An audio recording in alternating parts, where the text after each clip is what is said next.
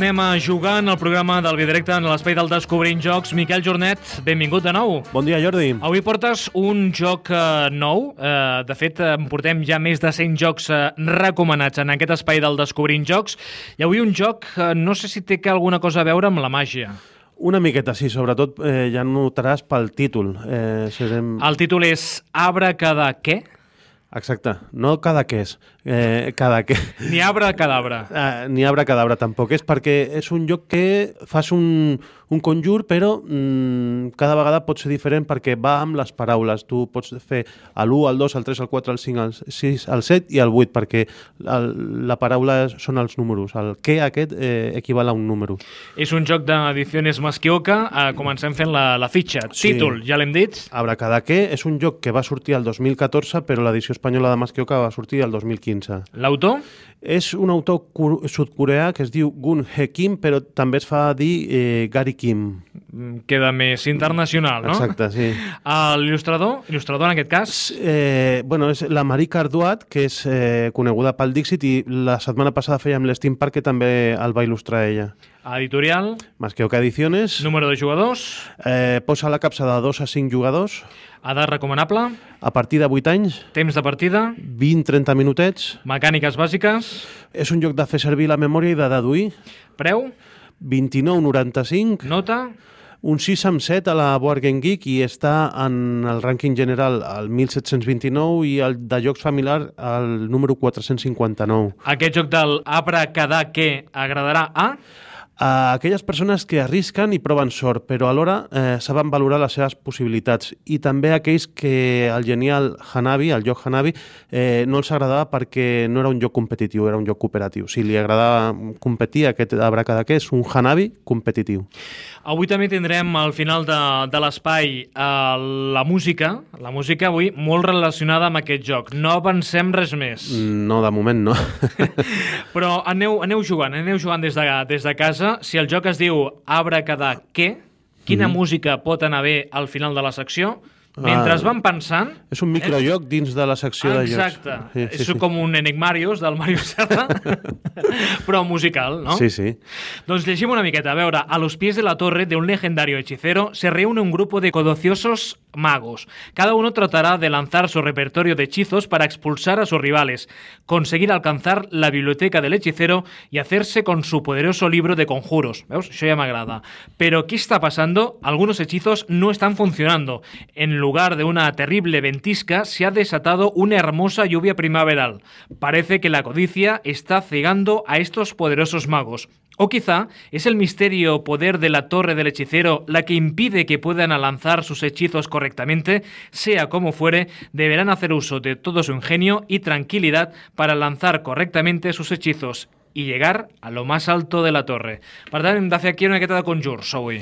Exacte, és un joc que proposa eh, el que deia la mecànica bàsica del Hanabi, que és jugar amb peces teves, en aquest cas són peces, en el, en el cas del Hanabi són cartes, però que en comptes de mirar-te tu, miren cap enfora. Cada jugador tindrà cinc d'aquestes eh, peces que li diuen pedres, són pedres eh, per fer conjurs, davant seu, però cara fora. No, no veuen els números. Les, les peces poden tenir números de l'1 al 8. Al lloc hi han 8 peces que tenen el número 8, 7 que tenen el número 7, eh, 6 que tenen el número 6 i tal.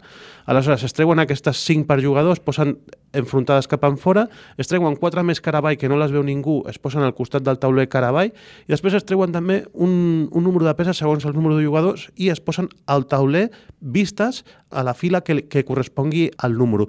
I així els jugadors tenen una idea de les que ja han sortit. Per exemple, a la disposició que hem posat aquí sobre la taula han sortit tres sets, han sortit dos vuits, han sortit dos cincs, han sortit eh, dos tresos i dos quatres. Per tant, ja sabem que de tresos falta un per sortir. Pot estar a, la, a les nostres cinc peces que no les veiem, podria estar a les cinc peces dels altres jugadors o podria estar a les quatre que tenim cara avall, que són les que donen una mica d'aleatorietat al lloc, no? Cada número té un, un conjur, per exemple, el número 1 és invocar al dragón, el número 2 és nómada de la oscuridad, el número 3 és dulces sueños, el número 4 canto nocturno, el número 5 tempestad, el número 6 ventisca, el número 7 és bola de fuego i el número 8 és poció màgica. Cada número té un, un efecte. Aleshores, al torn, els jugadors que han de fer? Han d'intuir què tenen ells en, el se, en les seves peces, que les tenen encarades cap enfora i més o menys han d'intuir pel que veuen dels altres jugadors i pel que veuen col·locat al, al tauler. I han de dir un número. Si el seu número no hi és, perden una vida. Eh, tenen sis vides que venen representades per sis discos de cartró de, de cada color, ja de, cada jugador té un color. Si no, si no ho endevinen, si no encerten amb una de les que tenen, perden una vida i es queden amb cinc. Si l'encerten, s'activa aquest conjur i s'efectua. El 8 és guanyar una vida. Si dius el, el 7, per exemple, fas perdre una vida al jugador que tens a la teva dreta. Si dius el 6, fas perdre una vida al jugador que tens a la teva esquerra. I de què es tracta el joc? El joc es tracta d'intentar eliminar els altres jugadors. És un joc que té eliminació de jugadors perquè li has de treure vida a tota la resta i és com un Royal Rumble del Pressing Catch que al final només ha de cada un. El que queda eh, sumen punts en aquest track que també té el tauler i guanya el que arriba al número 8, que és el que representa que ha utilitzat millor la màgia i ha, i ha pujat a, al castell dels mags. Per tant, Miquel, quan hem jugat ja més d'una partida d'aquest joc del Abra cada què, uh -huh. uh, són partides ja molt ràpides, no? Exacte, Perquè ja sí, coneixes sí, sí. La, la mecànica, ja pots anar... A... Uh, uh, són rondes molt ràpides, que igual la ronda pot durar dos, tres minuts, perquè es poden eliminar molt ràpid uh, els jugadors i pot pot tenir la condició d'anar passant i després les partides ja diu el joc que duren 20-30 minuts. A vegades també recorda una mica el dominó perquè quan tornes a preparar la següent ronda tombes les fitxes aquestes, li dones una mica la volta així i les, i les prepares. No? Fan el, mira, farem una mica el soroll. No sé si s'escolta el soroll aquest. S'escolta, a més és un joc, eh, bé, petitonet, tot i que la capsa... Eh? És una capsa tamany Catan, però el tauler és molt petitotet. A veure, la capsa està ben perquè, eh, perquè les peces aquestes, una vegada les fiques totes, ocupen bastant espai.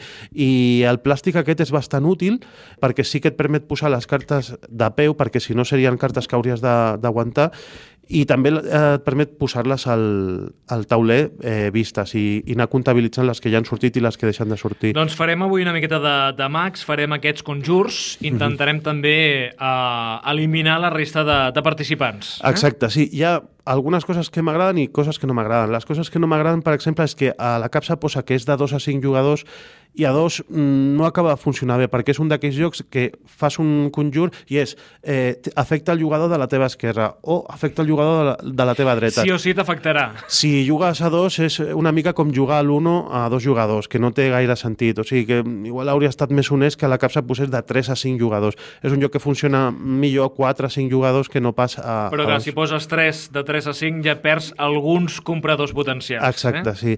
I després les peces de plàstic estan molt bé, el que passa és que eh, la ranura que tenen a dalt, a vegades quan remenes així, quan hem remenat o quan les guardes dins de la capsa, la, la peça de cartró que hi ha dins de la, de la, de la peça de plàstic eh, s'acaba sortint. És, és fàcil de que surtin. Això té una... Eh, es pot eh, reparar fàcilment si amb un tros de cinta americana li poses a cada ranureta d'aquestes, ja no se't sortirà mai més i, i ja ho tens preparat, no? Miquel Jornet, el MacGyver també dels jocs de taula, eh? Sí. Les coses que m'agraden, perquè també té coses que m'agraden, és un joc de provar sort i d'intuïció, que això agradarà molt als nens. Provo sort a veure si, si, si tinc un 8 i, i guanyo una vida, o a veure si... Ah, intentaré dir un 5, el que passa és que és poc probable de que estigui perquè ja han sortit 3 5 i només hi han dos en joc, a veure si el tinc jo. I a, a, aquest neguit de si estarà o no estarà també agrada als nens. I després és un joc que m'agrada molt perquè cada paraula té un efecte. Tu dius un 3, té un efecte. Tu dius un, un 8, té un efecte. I, I fa sentir també als nens que juguen que, que tenen aquest poder, no? de que dient un número, dient una paraula, eh, fan alguna cosa i, i té aquesta, aquest component xulo. Abracadaque? Sí. Els que el títol és complicat, eh? Clar, en... És normal que si anem a la botiga tens el abracadabra i mm, suposo que el, el botiguer ja sabrà de quin joc estem parlant. En eh? anglès és abracadawat i en, en alemany és simsala simsala bum. Veus? No hi ha res com saber idiomes. Quina música tenim avui? Eh, doncs, eh, igual ja ho han encertat els nostres oients, eh, és una música del 82 de l'Steve Miller Band, Abracadabra. Cadabra. Nobody